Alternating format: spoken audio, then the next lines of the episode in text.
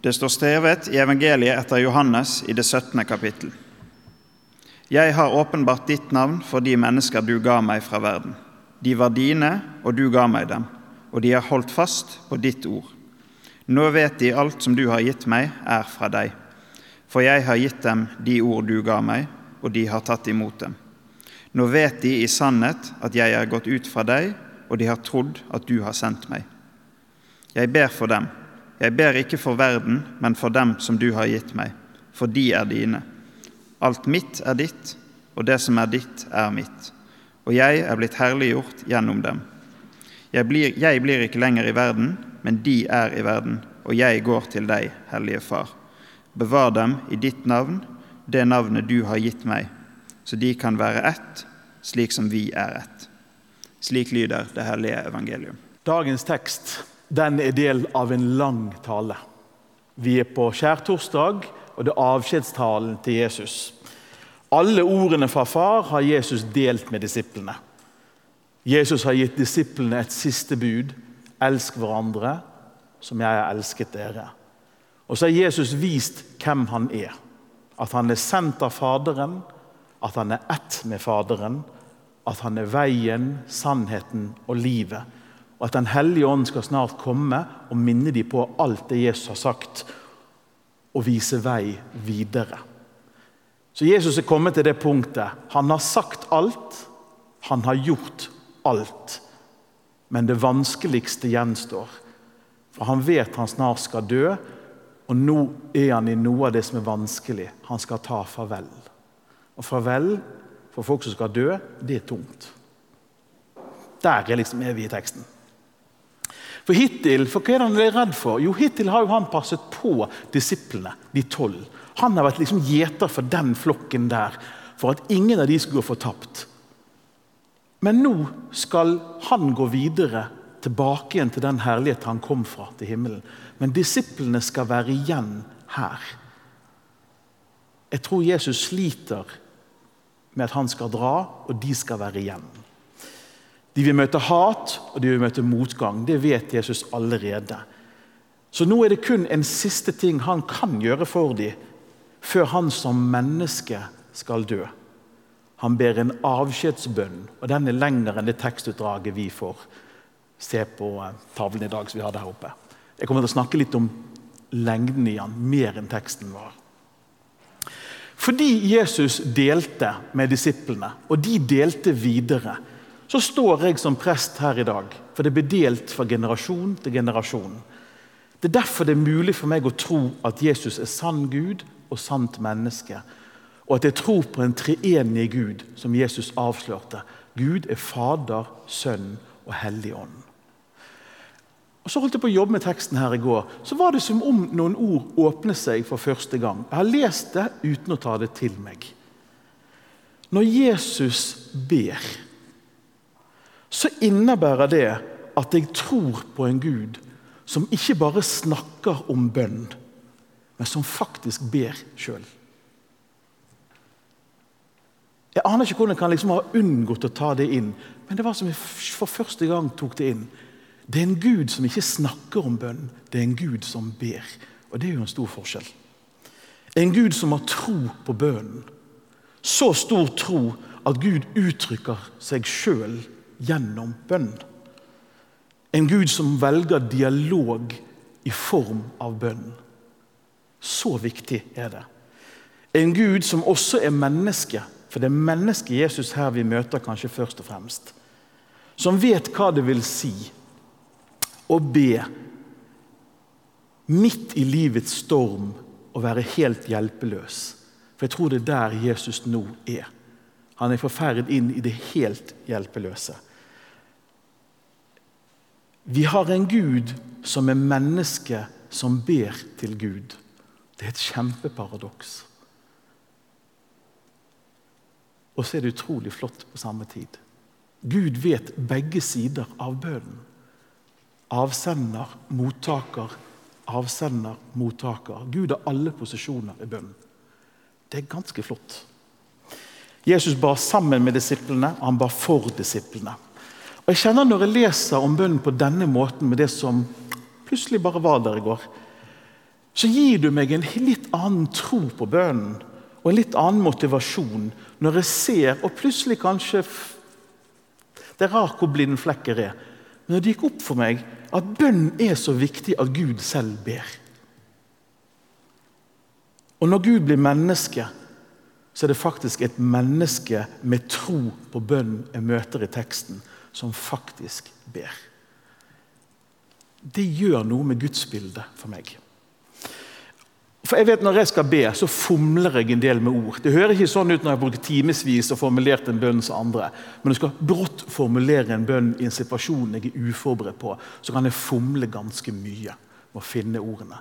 Og så er det veldig godt at Bibelen har noen ord om det. Paulus har skrevet i Romerne om at når vi fomler med ordene, så er det ikke så farlig. For i himmelen der går Den hellige ånd med forbund for oss, med sukk uten ord når vi ikke vet hvordan vi skal be, eller om hva vi skal be. Gud går sjøl i forbønn for oss. Og Så leser jeg videre i Hebreabrevet at når Jesus har gått ut av posisjonen av å bare være menneske her primært Han er Gud òg, men primært menneske. Og gått tilbake til sin himmelske posisjon. Hva posisjon har Gud da i form av Jesus? Jo, prest. Øverste prest. Og som prest så ber han for alle som kommer til Gud, for at de skal bli frelst. Himmelen er et bønnens sted der Gud selv ber. Det er noe flott i det. Gud ber for oss, Gud ber sammen med oss. Og gjennom bønnen så snakker Gud til oss, og vi kan svare og vi kan snakke til Gud. Bønn er himmelsk dialog. Bønn er møtestedet mellom himmel og jord. Og Gud har vært i alle posisjonene. Det er noe flott i det. I teksten så møter jeg Jesus som sant menneske som ber. Og Jeg minnes om noe viktig. Elsk hverandre slik jeg har elsket dere, sa Jesus.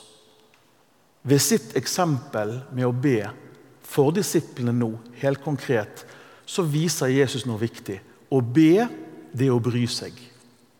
Å be, det er å elske.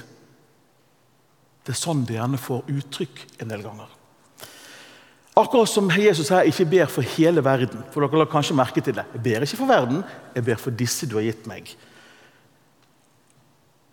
I akkurat det at Jesus ber for den lille flokken, ikke hele verdens flokk, kanskje det kan vise oss at vi skal ikke være så redd for å være spesifikke i våre bønner.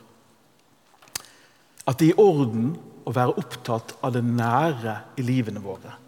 Det vi uroer oss for, der livet trykker på. Kanskje det er våre nærmeste vi er opptatt av. Og alt det kan vi komme frem med i bønn.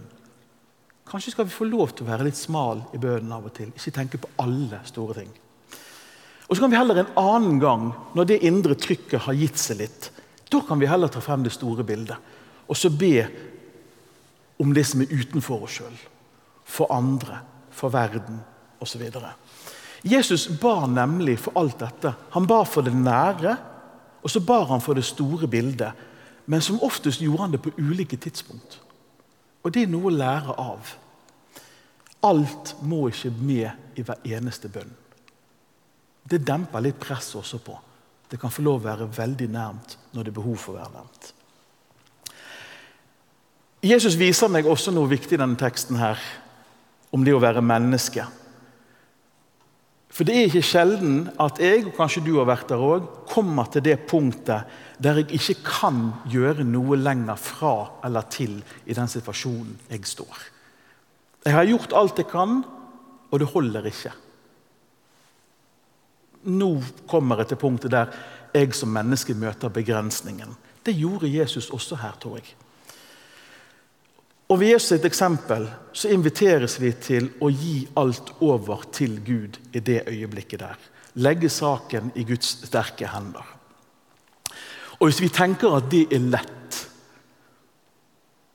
så tror jeg vi skal se nøyere på teksten.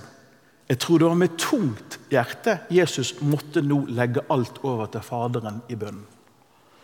Gi slipp på alle bekymringene for vennene sine overlate de til Faderens omsorg. Det å gi slipp er veldig ofte skikkelig tungt. Og det tror jeg Jesus drevet med òg. Jeg får liksom den følelsen av å lese teksten. Jesus vet hva det vil si.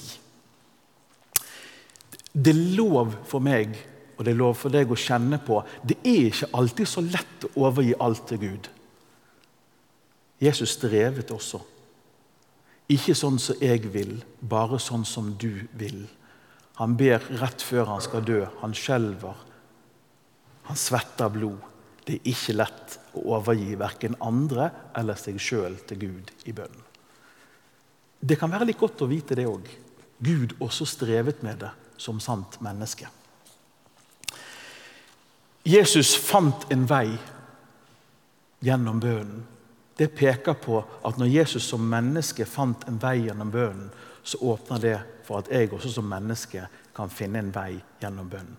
Fordi Gud gjennom bønnen kan finne veien til meg.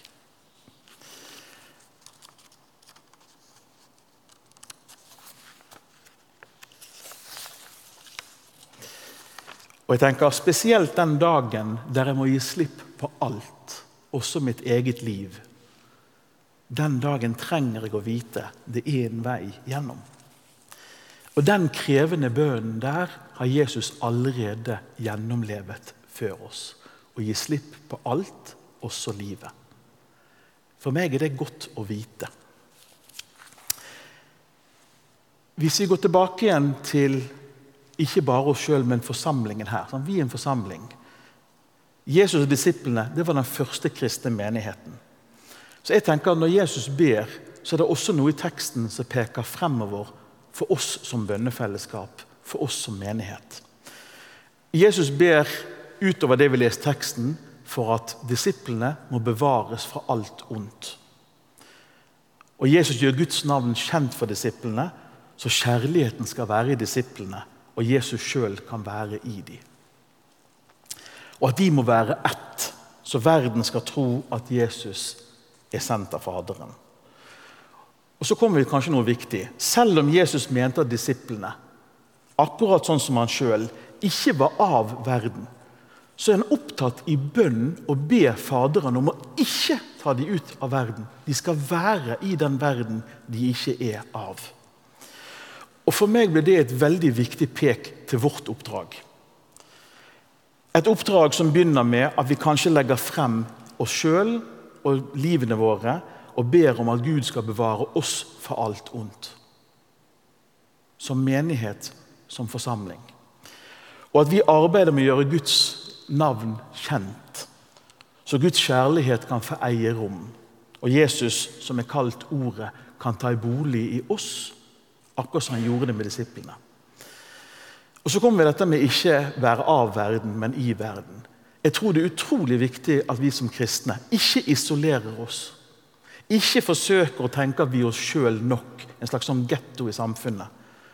Men at vi kjemper for å være en aktuell, ung kirke. Og at det faktisk er en kamp. Midt i den sekulære byen skal vi være et lite fyrlys ved å være i St. Jakob og utenfor St. Jakob. Ved å ikke være oss sjøl nok. Og vi bygger et fellesskap som faktisk ønsker å nå ut til flere mennesker som kan søke Gud her. Og tar vi på alvor nå sant? Nå har vi hatt en periode fra jeg begynte til nå, der St. Jakob har vokst ganske mye. Og når man vokser, så har teksten noe å si til oss òg. Det innebærer å skape en kultur for både å gi og å ta. For enhet, som Jesus snakker om, at de skal være ett, sånn som han og Faderen er ett. Enhet må jobbes med. Det kommer ikke av seg sjøl. Og vi tror vi trenger å be for at vi klarer å stå sammen og samtidig romme hverandres ulikhet. For jo flere mennesker som kommer til, så er det en velsignelse. Og så medfølger de den velsignelsen mye ulike meninger om hvem vi skal være, hvordan vi skal være, hvor vi skal, og hvor vi ikke skal. Det er et spennende strekk å stå i. Men det krever bønn, tror jeg, for at det skal gå. Og I tillegg kommer alt det gode som er ved veksten. Men det er noe vanskelig ved vekst òg. Ting forandrer seg. Og Som mennesker er vi ikke alltid glad i forandring. Vi stritter litt imot. Vi vil beholde det sånn som det var. Men da er det ikke plass til noen andre enn oss sjøl. Så å gi noe for å få noe, det er der vi som menighet tror jeg faktisk er nå. Og da har jeg lyst til å minne om en ting. Enhet og enighet trenger ikke være det samme. Det er der jeg tror vi ofte går feil. Enhet skal bety at alle må være enige. Det er ikke det som utgjør enheten. Det er ikke enigheten enheten består i. Det er at vi faktisk samles i Jesu navn som den som binder oss sammen. Det er der enheten ligger, ikke i hva vi er enige eller uenige om. En god start på dette arbeidet som vi står midt i nå, det kan være at i bønnen i dag Se om dere kan legge inn i bønnen og be for visjonen til Sankt Jakob. At vi bygger fellesskap, et godt et. At vi skaper en kultur som har plass til andre enn oss sjøl. Og at vi søker Gud på ulikt vis.